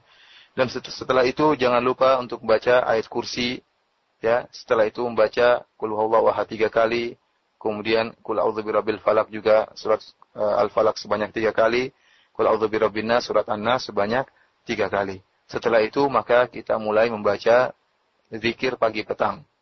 Azkarus sabah kita baca zikir pagi petang dan kita mulai dengan baca uh, zikir ini. Allahumma inni as'aluka ilman nafi'an wa rizqan tayyiban wa amalan mutaqabbala. Ya Allah, aku mohon kepada Engkau agar Engkau memberikan uh, anugerah kepada aku berupa ilmu yang bermanfaat, rizki yang halal, rizki yang baik, dan amal yang diterima oleh Engkau. Uh, demikian ya, uh, semoga Allah Subhanahu wa taala memberi taufik, memberi petunjuknya uh, kepada kita semua dan mudahkan kita untuk mengamalkan doa ini dan memudahkan kita untuk memperoleh permintaan yang tersebutkan dalam doa ini. Nah, ikhwatal Islam para pendengar Radio Roja, azanillah iyyakum. Demikian akhir dari muhadarah yang disampaikan oleh Syekh Abdul Razak bin Abdul Muhsin Al-Badr hafizahullah taala dan diterjemahkan tadi oleh Al-Ustaz Abu Abdul Muhsin Firanda sebuah pembahasan yang sangat bermanfaat dan sangat penting sekali untuk kita ketahui bersama mengenai syarah doa yang Rasulullah Shallallahu Alaihi Wasallam senantiasa panjatkan pada waktu subuhnya. Dan kembali seperti biasa kami membuka sesi tanya jawab. Untuk Anda yang akan bertanya kami persilakan menghubungi layanan on air kami di 021 823 6543 dan pesan singkat seperti biasa di 021 7073 6543. Baik, untuk selanjutnya kami angkat pertanyaan yang pertama dari uh, Al-Akh Abu Abdullah di Jakarta. Assalamualaikum, Akhi. Ya, Assalamualaikum. Waalaikumsalam, silakan. Uh, menarik sekali penjelasan pada hari ini ya, ya. Iya, silakan. Uh, yang ingin saya tanyakan adalah uh, bagaimana uh, penjelasan syar'i tentang uh, sekarang ini yang uh, apa namanya? yang apa mencari maisa itu kan ada yang pagi, ada yang siang, ada yang malam. Iya. Tolong uh, penjelasannya saya. Nah. Barakallahu lakum. Iya. Nah. Waalaikumsalam warahmatullahi wabarakatuh. Silakan Ustaz. ليس كلنا نسأل الإسلام بعضنا عمله بسبب بعضهم إن بعضهم في الليل وكيف نطبق هذا الرمى الذي يشتغل في النهار أو في الليل الصباح ينامون آه هذا السؤال آه جيد لأن فعلا بعض الناس اضطره العمل أن يعمل في الليل مما يضطره أن ينام في الصباح.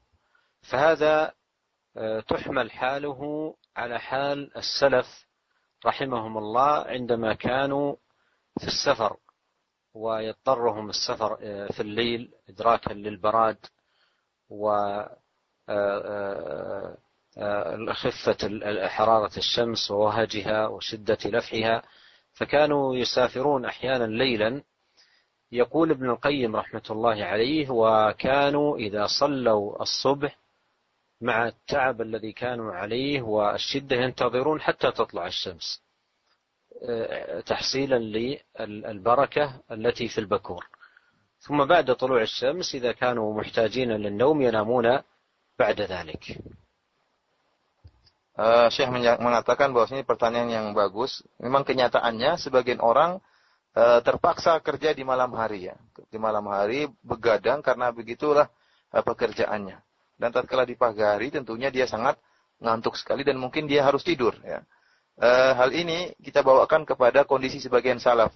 Sebagian salaf uh, ada di antara mereka yang bersafar di malam hari. Sengaja mereka bersafar di malam hari agar tidak mendapat terkena matahari yang amat terik dan demikian juga tidak uh, apa namanya siang bolong yang sangat panas sehingga membuat mereka letih sehingga mereka bersengaja untuk bersafar di malam hari. Sehingga tatkala mereka sholat subuh, mereka akhirnya dalam keadaan sangat letih dan sangat butuh untuk tidur. Namun para salafus saleh mereka dahulu, jika mereka setelah sholat subuh, mereka tidak langsung tidur. Mereka tunggu sampai matahari terbit, ya, agar mereka juga ingin memperoleh barokah pagi hari. Jadi sabar ya sampai matahari terbit, baru kemudian kalau mereka butuh tidur maka mereka pun tidur, sehingga bisa mengumpulkan dua perkara tidur setelah e, terbit matahari agar mendapatkan berkah pagi hari. Taib. Selanjutnya masih dari penelpon di 0218236543 ada Ibu Ismi di Bekasi. Kami persilakan. Assalamualaikum Ibu. Ya. Ustaz, saya mau nanya tentang keikhlasan. Bagaimana cara menjaga keikhlasan ketika kita mencari ilmu, kemudian melakukan amalan sampai kita beramal itu untuk menjaga keikhlasan kita agar senantiasa uh, tetap ikhlas kepada Allah Subhanahu wa taala. Baik. Assalamualaikum. Nah, Waalaikumsalam warahmatullahi wabarakatuh. Silakan Syekh.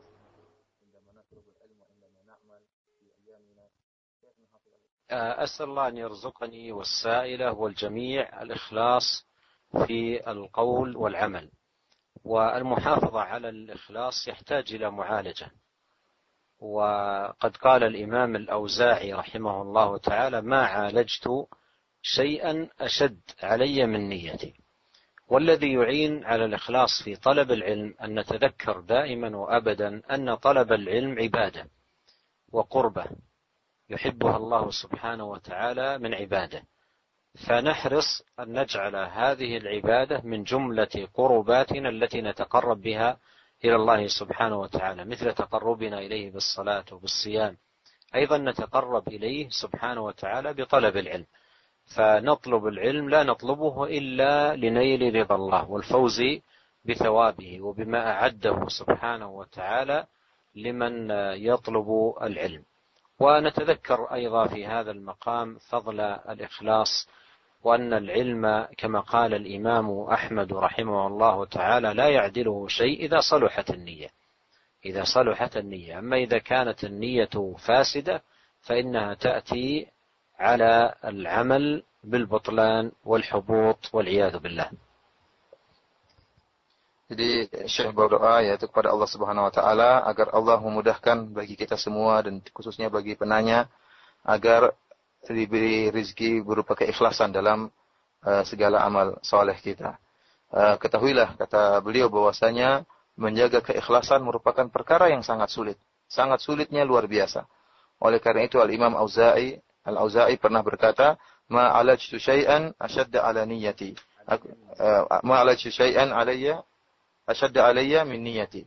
Kata Imam Auza'i bahwasanya aku tidak pernah bersusah payah untuk menghadapi sesuatu yang aku rasakan seperti menghadapi niatku. Karena niat selalu berbolak-balik sulit untuk bisa menjaga keikhlasan. Oleh karena itu tatkala kita menuntut ilmu kita harus sadar bahwasanya menuntut ilmu itu merupakan ibadah. Jadi ibadah itu bukan cuma salat bukan cuma puasa bukan cuma haji. Menuntut ilmu itu sendiri merupakan ibadah.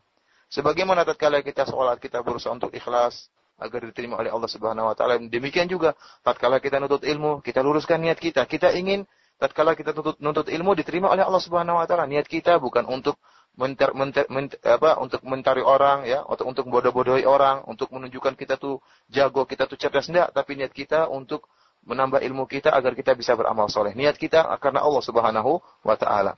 Kemudian perkara yang kedua, ingatlah bahwasanya menuntut ilmu kalau di, dikerjakan dengan keikhlasan maka akan memperoleh pahala yang sangat luar biasa. Oleh karena itu Al-Imam Ahmad pernah berkata, Al-ilmu layak diluhu syai' idza khalasatin niyyah. Bahwasanya ilmu itu tidak bisa dibandingkan dengan apa saja. Dengan syarat orang yang menuntut ilmu niatnya ikhlas, ya. Kalau orang menuntut ilmu dengan niat ikhlas, maka dia akan mendapatkan ganjaran yang luar biasa dari Allah Subhanahu wa taala. Wallahu taala alam. Taib. Untuk selanjutnya masih dari penelpon ada Ibu Enah di Tangerang. Kami persilakan. Halo, Assalamualaikum Bu. Eh, saya mau menanyakan, ini buku-buku doa ini apakah sudah ada di eh, toko-toko eh, buku? Set? Iya. Hmm, Assalamualaikum. Nah, Waalaikumsalam warahmatullahi wabarakatuh. Uh, masalah, jadi saya kita beritahukan kepada para pendengar sekalian bahwasanya Syekh uh, beliau mengarang sebuah buku yang judulnya Fikul Adiyah wal Adhkar ya, fikih tentang doa dan fikih tentang zikir-zikir ya yang sesuai dengan kitab dan sunnah. Dan buku ini ya, telah diterbitkan secara resmi oleh pemerintah Saudi ya. Dan kemudian alhamdulillah sudah diterjemahkan dalam beberapa bahasa. Dan saya tidak tahu apakah di Indonesia sudah diterjemahkan atau atau belum. Adapun Syekh di negara Arab Saudi, beliau mengisi pengajian tentang fikih, zikir dan doa di radio Saudi, radio pemerintah ya.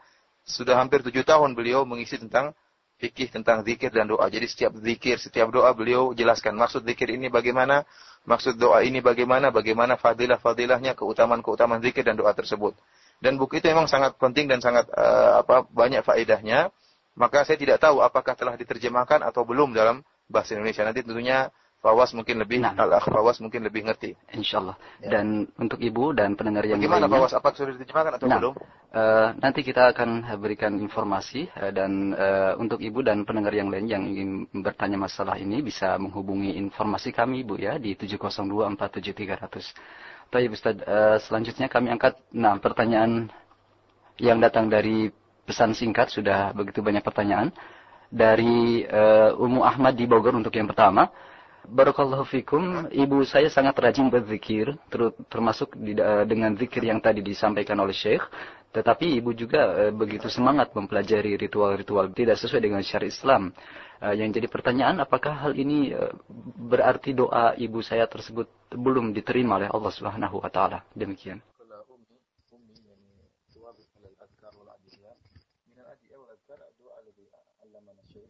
لكن هي أيضا توافق على أذكار البدعية على كل حال قد يوجد في بعض الناس الخلط بين الحق والباطل والهدى والضلال بسبب المدارس التي تلقى وأخذ عنها. فالذي عليك أن تناصح والدتك برفق وبالحسنى وبالكلمة الطيبة أن تترك الأدعية المحدثة التي تضرها ولا تنفعها وأن تواظب على الدعوات العظيمة المأثورة عن الرسول صلوات الله وسلامه عليه. وتذكرها دائما بقول النبي صلى الله عليه وسلم من عمل عملا ليس عليه أمرنا فهو رد أي مردود على صاحبه وغير مقبول منه Saya menjelaskan ya bagaimanapun perkaranya, sebagian orang memang bercampur kepada diri mereka antara sunnah dengan bid'ah ya. Sebagian orang mencampurkan amalan soleh dan juga giat melaksanakan amalan soleh dan juga giat melaksanakan amalan yang tidak dicontohkan oleh Nabi Shallallahu Alaihi Wasallam. Tentunya ini disebabkan karena kondisi mereka mungkin belajar pada pesantren-pesantren atau pondok-pondok yang mengajarkan hal-hal ini atau e, karena kondisi ustadz yang ada di sana sehingga mengajarkan hal-hal yang tidak diajarkan oleh Nabi Shallallahu Alaihi Wasallam. Maka yang wajib bagi penanya agar dia menasehati ibunya ya. Menasehati ibunya dengan cara yang baik ya. Menjelaskan bahwasanya sang ibu hendaknya berusaha e, melazimi zikir-zikir yang diajarkan oleh Nabi Shallallahu alaihi wasallam saja dan ingatlah bahwasanya zikir-zikir yang bid'ah itu tidak akan beri manfaat tetapi akan berikan kemudaratan ingat bahwasanya Rasulullah Shallallahu alaihi wasallam pernah bersabda man amila amalan laisa alaihi amruna fahuwa rad barang siapa yang mengerjakan suatu amalan yang tidak dicontohkan dari kami, maka amalan tersebut akan tertolak. Artinya tidak akan diterima oleh Allah Subhanahu wa taala. Nah, kemudian untuk selanjutnya dari pesan singkat kembali dari uh, Bapak Haryono ya di Jakarta. Uh, Barakallahu fikum, Syekh mohon nasihatnya kepada kami yang setiap hari bergerut dengan kekurangan ekonomi dan uh, ketakutan terhadap uh, kekurangan rizki dan uh, dengan demikian hal tersebut tidak membuat kami putus-putus asa dan uh, senantiasa bersyukur atas apa yang telah Allah berikan uh, demikian dari Bapak Haryono di Jakarta.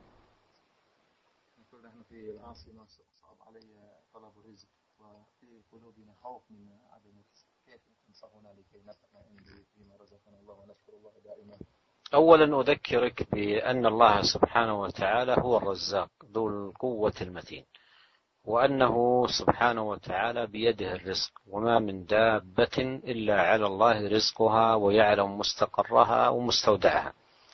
وأذكرك أنك وأنت في بطن أمك كتب آه، رزقك وعملك وشقي أو سعيد فكن مطمئنا. هذا من جهة. ومن جهة أخرى عليك أن تسعى في كسب الرزق من وجوهه المباحة المشروعة المأذون بها. كما قال الله سبحانه وتعالى فامشوا في مناكبها وكلوا من رزقه. وكان الأنبياء يأكلون من كسب أيديهم. فيبذل الإنسان السبب ويعمل ويعرق جبينه في عمله ويكد ويجتهد والله سبحانه وتعالى ييسر له من أبواب الرزق المباح والرزق الطيب النافع من حيث لا يحتسب كما قال الله سبحانه وتعالى ومن يتق الله يجعل له مخرجا ويرزقه من حيث لا يحتسب ketahuilah bahwasanya Allah Subhanahu wa taala huwa Razzaq. Allah Subhanahu wa taala Maha pemberi rizki. Dan Allah Subhanahu wa taala menanggung rizki setiap makhluknya. Wa ma min dabbatin illa Allah rizquha. Bahwasanya setiap makhluk yang berada di atas muka bumi pasti Allah yang memberi rizkinya. Allah yang menanggung rizkinya. Oleh karena itu, eh, Bapak harus yakin ya bahwasanya Allah telah menanggung rizki Bapak. Dan sejak Bapak masih di perut ibu Bapak, sudah dicatat rizki Bapak. Ini akidah, kita harus yakin hal ini. Maka tenanglah bahwasanya rizki yang telah digariskan kepada Bapak tidak akan lari, pasti akan datang kepada Bapak. Ini dari satu sisi. Dari sisi yang lain, Bapak harus berusaha ya. Berusaha dengan cara yang baik, dengan cara yang benar agar memperoleh rezeki tersebut dan jauhilah usaha-usaha yang diharamkan oleh Allah Subhanahu wa taala. Kata Allah Subhanahu wa taala, "Famshu fi manakibiha wa kulu min rizqih." Hendaknya kalian berjalan di atas muka bumi ini dan makanlah dari rizki yang dihalalkan oleh Allah Subhanahu wa taala yang berada di atas uh, muka bumi ini. Kemudian juga disebutkan dalam hadis-hadis bahwasanya para nabi mereka itu makan dari hasil tangan mereka. Kita tahu bahwasanya para nabi ada yang berjualan di pasar, ada yang beramal, bekerja dan mereka uh, padahal mereka para nabi orang paling bertakwa, namun mereka juga berusaha uh, dan bekerja. Oleh karena itu tidak ada yang wajib bagi kita kecuali kita berdoa, kemudian berusaha dengan sungguh-sungguh, minta kepada Allah Subhanahu wa taala, bertakwa kepada Allah Subhanahu wa taala, maka niscaya Allah akan berikan rezeki kepada kita dari arah yang tidak disangka-sangka. Kata Allah Subhanahu wa taala, "Wa may yattaqillaha yaj'al lahu makhraja wa yarzuquhu min haitsu la yahtasib." Barang siapa yang bertakwa kepada Allah Subhanahu wa taala, maka Allah akan berikan dia jalan keluar, akan berikan dia solusi. Wa yarzuquhu min haitsu la yahtasib dan Allah akan berikan kepada dia rezeki dari arah yang tidak dia sangka-sangka. Oleh karena itu kalau kita bertakwa dan kuncinya bertakwa dan berusaha, maka akan datang rezeki Allah dari arah yang tidak kita sangka-sangka. Baik, untuk selanjutnya masih dari pesan singkat dari Al-Akh Ramadan di Bekasi kembali. Mohon bersabar untuk Anda yang sudah masuk melalui telepon. E, pertanyaan dari Al-Akh Ramadan. Uh, Syekh, bagaimanakah uh, penerapan yang benar di dalam sunnah Nabi Shallallahu Alaihi Wasallam yang kami temukan di dalam Sahih uh, Targhib wa Tarhib hadis nomor 464 sampai 471 tentang uh, duduknya Nabi di dalam berzikir setelah sholat subuh sampai matahari terbit, lalu sholat dua rakaat. Yang jadi pertanyaan, Eh, yang dimaksud sholat dua rakaat di sini setelah cahaya matahari eh, sangat cerah ataukah cukup sampai sinar matahari sekedar terlihat saja dan samakah waktu itu dengan waktu duha demikian dari Allah Ramadan di Bekasi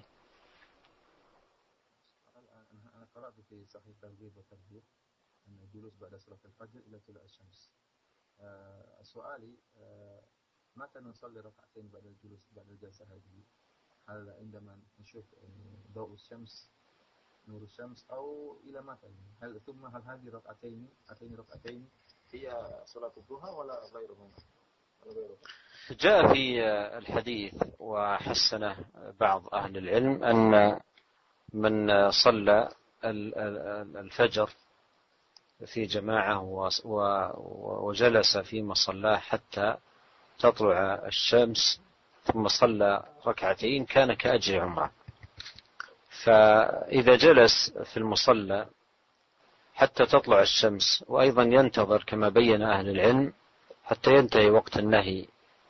فإذا طلعت الشمس بعد طلوعها انتظر في حدود 12 دقيقة. ثم يصلي آه، ركعتين. فيفوز بهذا الثواب الذي ذكر في الحديث كان كأجر عمرة. وصلاة الضحى أفضل آه، أوقاتها عندما ترمض الفصال يعني عندما تبدأ تحتر الشمس وتصبح الأرض حارة في فهذا أفضل أوقات فلا بأس أن يصلي هذه الركعتين عند الإشراق ثم إذا جاء وقت الضحى واحترت الشمس أيضا يصلي ما تيسر له من صلاة الضحى. هذه في الإشراق. هي معدودة من جملة صلاة الضحى لكن الأفضل. Uh, Syekh menjelaskan bahwasanya uh, telah sabit dalam hadis, telah valid dalam hadis-hadis Nabi SAW bahwasanya barang siapa yang sholat subuh, kemudian summa jalasa fi musalla, kemudian dia pun duduk di masjid ya tempat dia sholat sampai terbit matahari. Maka kemudian dia sholat dua rakaat, maka dia mendapatkan pahala seperti pahala umrah. Ya. Uh, para ulama menjelaskan yaitu setelah dia sholat dia duduk menunggu sampai terbit matahari. Dan setelah terbit matahari dia tidak langsung sholat, tapi dia tunggu sekitar 12 12 menit. Ya setelah matahari keluar dari e, terbit ya, tunggu dulu sekitar 12 menit ya sampai materi agak naik sedikit baru kemudian karena itu waktu terlarang ya, masih waktu terlarang. Setelah 12 menit baru kemudian dia sholat dua rakaat. Ya, maka kalau dia sholat dua rakaat dia akan mendapatkan pahala seperti pahala orang yang umrah. Saya mengatakan bahwasanya e, bisa saja dia mengatakan ini sholat duha, tetapi yang lebih afdal kata beliau, e, dia tunda sholat duhanya. Jadi dia sholat dua rakaat, kemudian dia tunda lagi, tunggu sampai atau turmadul fisal, yaitu sampai e, tanah, matahari mulai agak panas, ya tanah mulai memanas, baru dia sholat duha lagi dua rakaat. Dan ini yang lebih lebih afdal. Ya. Baik, selanjutnya kami angkat dari penanya melalui telepon kembali di 0218236543 ada Ibu Ati di Ciledug Tangerang. Kami persilakan. Assalamualaikum Ibu. Assalamualaikum. Waalaikumsalam warahmatullahi wabarakatuh.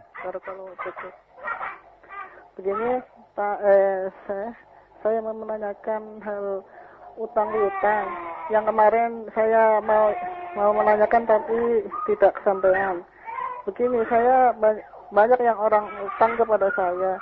Orangnya itu mampu membayar utangnya. Tapi kalau ditagih, dimintain uangnya orangnya orang tuh marah-marah sama saya. Iya. Begitu bagaimana? Sikap intinya? ibu ya? Nah. Iya, sikap saya. Baik, terima kasih ibu. Eh, Nah. terima kasih. Assalamualaikum warahmatullahi wabarakatuh. Nah, Waalaikumsalam warahmatullahi wabarakatuh. Terima kasih untuk Ibu. Silakan Ustaz.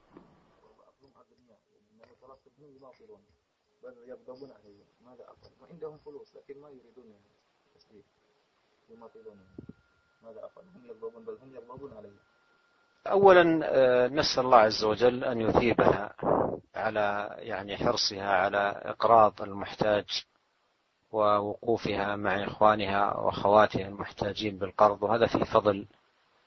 ومن كان في آه، من كان في حاجة أخيه كان الله في حاجته وكان الله في عون العبد ما كان العبد في عون أخيه.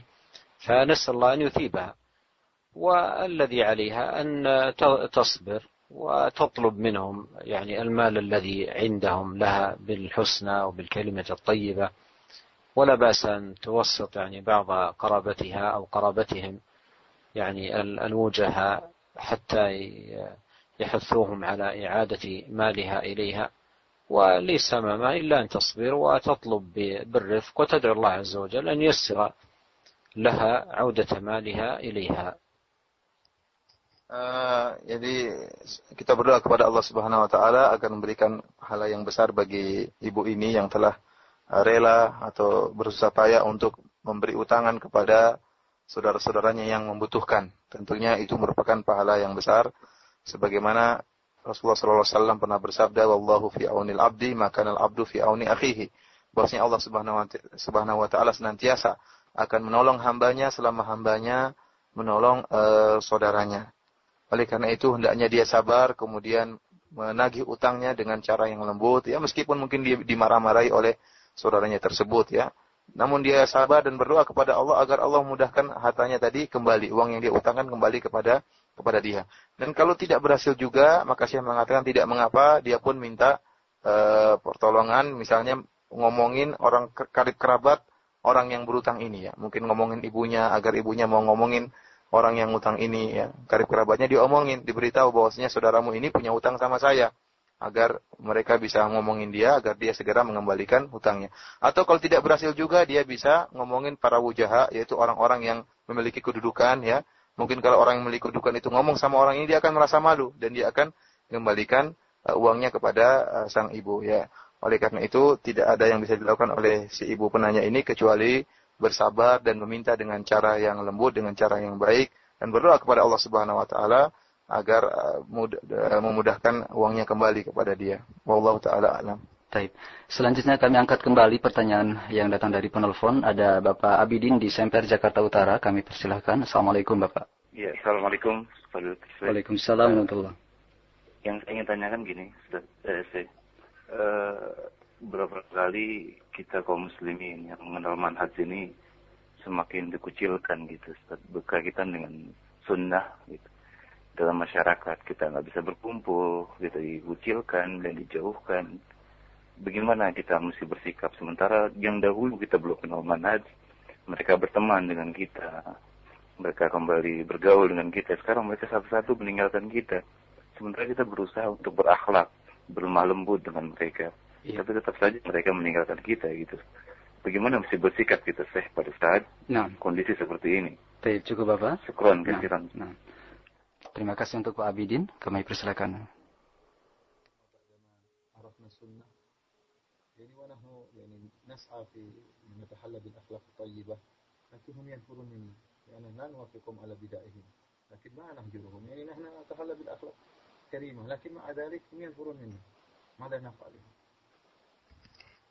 الذي آه، وفقه الله سبحانه وتعالى وأكرمه بالتوفيق للسنة يصبر عليها.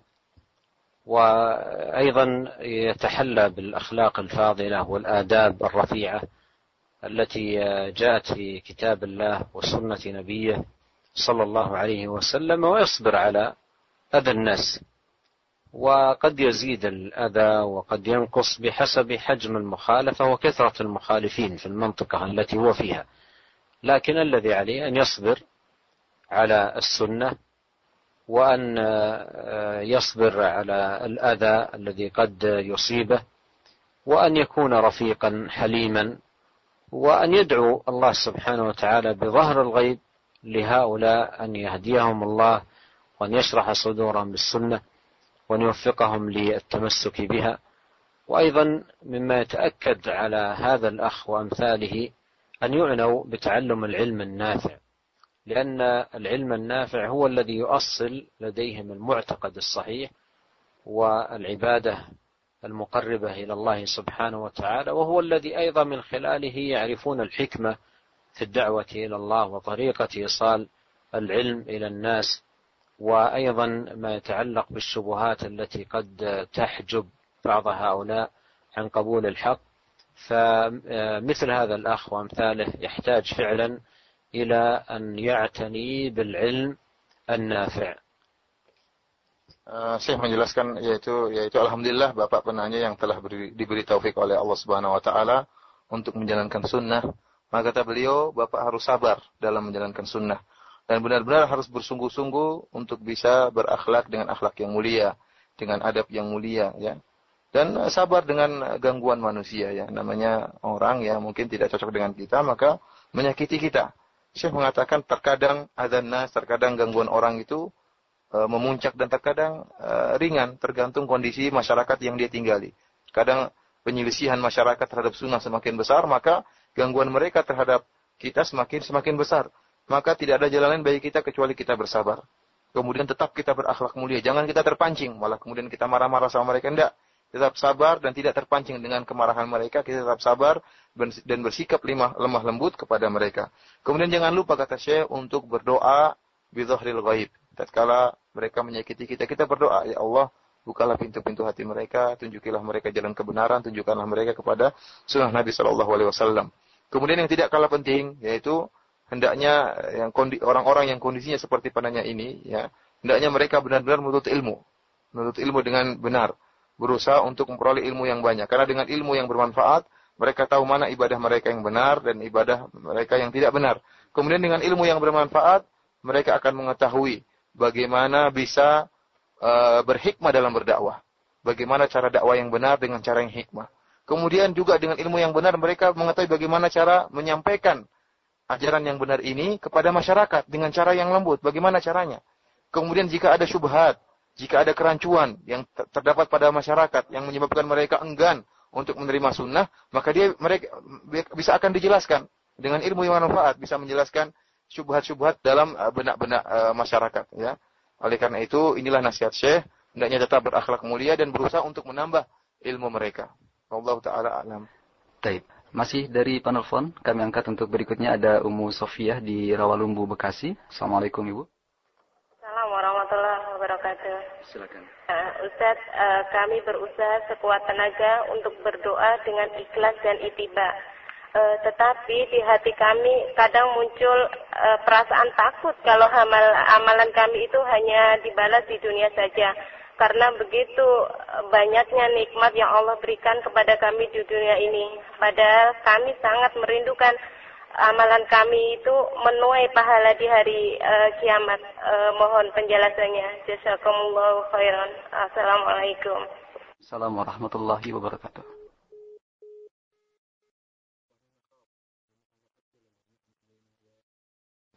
على كل حال هذا الخوف هذا عمل طيب قال الله سبحانه وتعالى والذين يؤتون ما آتوا وقلوبهم وجلة أنهم إلى ربهم راجعون. فهذا الخوف من علامات الخير إن شاء الله والمؤمن آه، يعيش دائما وأبدا راجيا خائفا. يرجو رحمة الله عز وجل ويخاف عذابه ورجاؤه يحمله على فعل الخيرات وخوفه يكفه عن آه، ارتكاب النواهي والمحرمات. وينبغي على المسلم أن يعيش دائما وأبدا بين الرجاء والخوف. ومن آه، علامات المحسن والمؤمن والمتقي لله أنه يحسن في عبادته ويخاف. والمنافق يسيء في عبادته وأعماله ويأمن. قال الحسن البصري رحمه الله تعالى إن المسلم جمع بين إحسان ومخافة. والمنافق جمع بين إساءة وأمن. فوجود هذا الخوف هذا من علامات الخير وهو يحمل المسلم للاجتهاد في إصلاح العمل والمواصلة والمواظبة ويحمله أيضا على البعد عن المحرمات. وكثرة النعم هي ابتلاء وامتحان. والمسلم الذي يوفقه الله سبحانه وتعالى لحمد الله على النعمة واستعمالها في طاعة الله وعدم استعمالها فيما يغضبه تبارك وتعالى تكون هذه النعمة باب خير له. وأما إذا استعملها في الحرام وفي ما يسخط الله سبحانه وتعالى فتكون هذه النعمة وبال عليه. Uh, Syekh menjelaskan bahwasanya rasa takut yang ada dalam hati seorang muslim itu merupakan amalan yang baik ya. Allah Subhanahu wa taala berfirman, "Walladzina yu'tuna ma atau wa qulubuhum wajilatun annahum ila rabbihim raji'un." Yaitu orang-orang yang mereka telah memberikan apa yang mereka berikan, itu mereka bersedekah, berinfak. Kemudian apa? Wa qulubuhum wajilah. Namun dalam hati mereka timbul rasa takut ya. Timbul rasa takut. Rasa takut itu dituntut dari seorang muslim. Seorang muslim dalam kehidupannya sehari-hari dalam beribadah kepada Allah Subhanahu wa taala menggabungkan antara rasa takut dan rasa harap. Berharap kepada Allah Subhanahu wa taala dan juga takut kepada Allah Subhanahu wa taala. Harapannya kepada Allah Subhanahu wa taala ya agar mendorong dia untuk senantiasa beramal kebaikan. Senantiasa beramal kebaikan. Dan rasa takutnya kepada Allah Subhanahu wa taala mendorong dia untuk menjauhi amal-amal yang diharamkan oleh Allah Subhanahu wa taala. Orang yang muhsin, orang yang baik dalam beramal, yaitu orang dia muhsin dalam amalannya, berusaha untuk beramal sebaik mungkin. Itulah orang yang muhsin. Kemudian uh, dia takut tidak diterima, makanya dia berdoa kepada Allah Subhanahu wa taala agar diterima oleh Allah Subhanahu wa taala. Berbeda dengan orang munafik. Orang munafik dia yusik dalam amalannya, dia itu isaah. Amalannya buruk, amal asal saja. Namun dia merasa aman, dia merasa pasti Allah terima. Itulah orang munafik. Oleh karena itu Al Hasan pernah berkata bahwasanya orang muhsin yaitu orang yang menjamak menggabungkan antara uh, amal yang baik dan rasa takut kepada Allah Subhanahu wa taala. Adapun orang munafik yaitu orang yang menggabungkan antara amal yang buruk, amalnya sembarangan kemudian merasa pasti diterima oleh Allah Subhanahu wa taala. Kemudian uh, ibu penanya, ketahuilah bahwasanya nikmat yang banyak yang Allah telah anugerahkan kepada kita itu bisa jadi bala, bisa jadi juga sebagai imtihan ya. Kalau seorang muslim memiliki harta yang banyak, kemudian dia bersyukur dengan nikmat yang Allah berikan kepada dia, dia berinfak, dia bersodakoh, kemudian dia tidak melakukan, tidak mengeluarkan uangnya pada perkara yang sia-sia, pada perkara yang diharamkan oleh Allah Subhanahu Wa Taala, maka kenikmatan yang Allah berikan tersebut, harta yang banyak yang Allah berikan tersebut merupakan tambahan kenikmatan bagi dia, tambahan kebaikan bagi dia.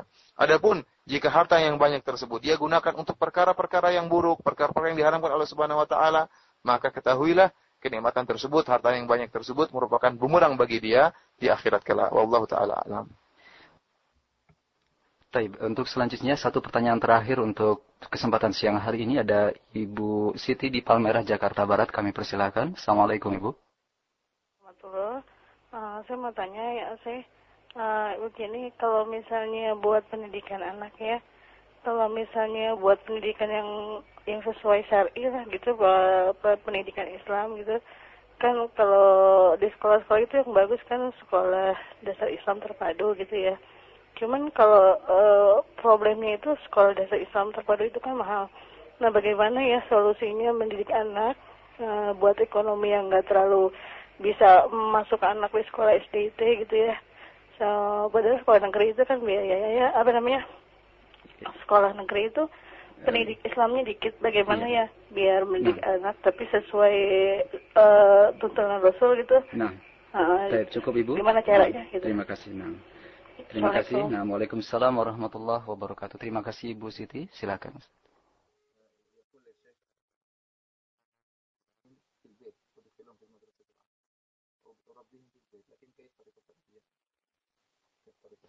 التربية في البيت تحتاج من المربي إلى علم.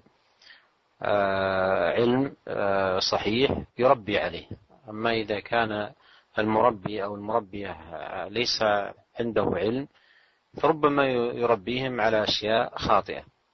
فإذا كانت آه، المنطقة التي آه، تسكن فيها هذه المرأة فيها أحد الدعاة أو الداعيات الناصحات يمكن تستشيرها وأيضا تستفيد من بعض الكتب المترجمة. وأنصح بكتاب الأربعين للإمام النووي رحمه الله تعالى أن تحرص على حفظه وقراءة ترجمته وتأديب أولادها بالآداب والأخلاق والفضائل التي تضمنها هذا الكتاب العظيم. وهذا الكتاب كقاعدة وأساس ينشأ عليه المسلم في كفاية بإذن الله سبحانه وتعالى beliau menjelaskan bahwasanya ya bagaimanapun ibu berusaha untuk menterbiah anak-anak ibu di atas terbiah yang Islamiyah. Di antara caranya yaitu kondisi kita tentu mungkin berbeda-beda. Ibu bisa meminta nasihat kepada salah seorang dai yang ada di sana di Indonesia ya, eh, baik dai perempuan maupun dai laki-laki, minta nasihat kepada mereka tentang bagaimana cara menterbiah anak-anak sesuai dengan kondisi kita di di tanah air ya. Eh, kemudian beliau menasihatkan agar ibu berusaha bisa ibu sendiri berusaha untuk mempelajari kitab Arba'in Nawawiyah ya. Kitab Arba'in Nawawiyah itu mengandung hadis-hadis yang merupakan pondasi dari agama Islam ini. Ibu sendiri berusaha memahaminya, berusaha menghafalkannya, kemudian ajarkan kepada anak-anak, kepada anak-anak ibu untuk memahami hadis-hadis tersebut. Faedah-faedah yang dibangun atau adab-adab yang terdapat dalam hadis-hadis tersebut diajarkan pada anak-anak. Karena apa? Karena 40 hadis tersebut yang dibawakan oleh Imam Nawawi merupakan fondasi dasar agama Islam. Jika anak-anak sudah paham tentang fondasi dasar Islam seperti masalah ikhlas, masalah yang lainnya, ittiba kepada sunnah, maka insya Allah dia akan memahami agama dengan dengan baik ya. Ini salah satu kitab yang dianjurkan oleh uh, Syekh ya, Hafizahullah. Kemudian uh, di penghujung uh, pengajian kita kali ini ya uh, ini apa namanya kalau misalnya Radio Roja ingin uh, apa namanya punya acara khusus ingin menerjemahkan kitab Syekh yaitu kitab fikih al-adiyah wal adkar maka tidak mengapa ya tidak ada halangan. Kalau memang ingin diterjemahkan ambil satu doa kemudian diterjemahkan. Tidak mengapa Syekh tidak melarangnya kalau mau diadakan acara seperti itu. Masya Allah demikian dan ikhwatal Islam para pendengar Radio Roja di mana pun anda berada Pertanyaan dari Ibu Siti tadi menutup perjumpaan kita untuk siang hari ini. Dan eh, kami persilakan pada uh, Syekh untuk memberikan uh, kesimpulan akhir. Falitaqaddal. في ختام هذا اللقاء أدعو الله عز وجل لإخواني القائمين على هذه الإذاعة والإخوان المستمعين والمستمعات بالتوفيق والسداد وأن يجعل ما نقوله ونسمعه حجة لا لنا لا علينا وأن يوفقنا لكل خير يحبه ويرضاه وأن يوفقنا لحسن التقرب إليه والثبات على دينه إلى أن نلقاه سبحانه وتعالى وهو راض عنا. وأسأل الله لنا جميعا العلم النافع والرزق الطيب والعمل المتقبل. وسيكون الحديث في الحلقة القادمة إن شاء الله عن حديث عظيم جدا آه، وصفه بعض أهل العلم بأنه أم السنة. لأنه جمع آه، السنة في ألفاظه الجامعة وكلماته العظيمة. فإلى أن نلتقي على خير في آه، لقائنا القادم أستودعكم الله. والسلام عليكم ورحمة الله وبركاته. وعليكم السلام ورحمة الله وبركاته. Di penghujung hadal liqa pertemuan kita kali ini kajian kita kali ini di Radio Roja ya. Syekh mohon kepada Allah Subhanahu wa taala agar memberikan taufik petunjuknya dan uh, jalan yang lurus bagi kita semua dan semoga Allah menjadikan apa yang telah kita ucapkan ataupun yang kita dengarkan sebagai hujah yang membela kita di hari kiamat kelak bukan sebagai hujah menjadi bumerang bagi kita di akhirat kelak. Kemudian kita mohon kepada Allah Subhanahu wa taala agar memberikan kita husnul taqarrub, bisa beribadah, bertakarrub kepada Allah Subhanahu wa taala dengan sebaik mungkin sampai kita bertemu dengan Allah Subhanahu wa taala. Dan mohon kepada Allah Subhanahu wa taala agar menganugerahkan kepada kita ilmu yang bermanfaat, rizki yang halal dan amalan yang diterima oleh Allah Subhanahu wa taala. Uh, kemudian adapun pertemuan kita berikutnya insyaallah pekan depan kita akan bahas suatu hadis yang sangat agung yang sebagian ulama menyebutkan hadis tersebut dengan umus sunnah yaitu induknya daripada hadis-hadis Nabi Shallallahu Alaihi Wasallam. Insya Allah kita akan bertemu pekan depan. Demikian saja eh, kita mengundurkan diri. Semoga Allah Subhanahu Wa Taala maafkan kita semua. Assalamualaikum warahmatullahi wabarakatuh.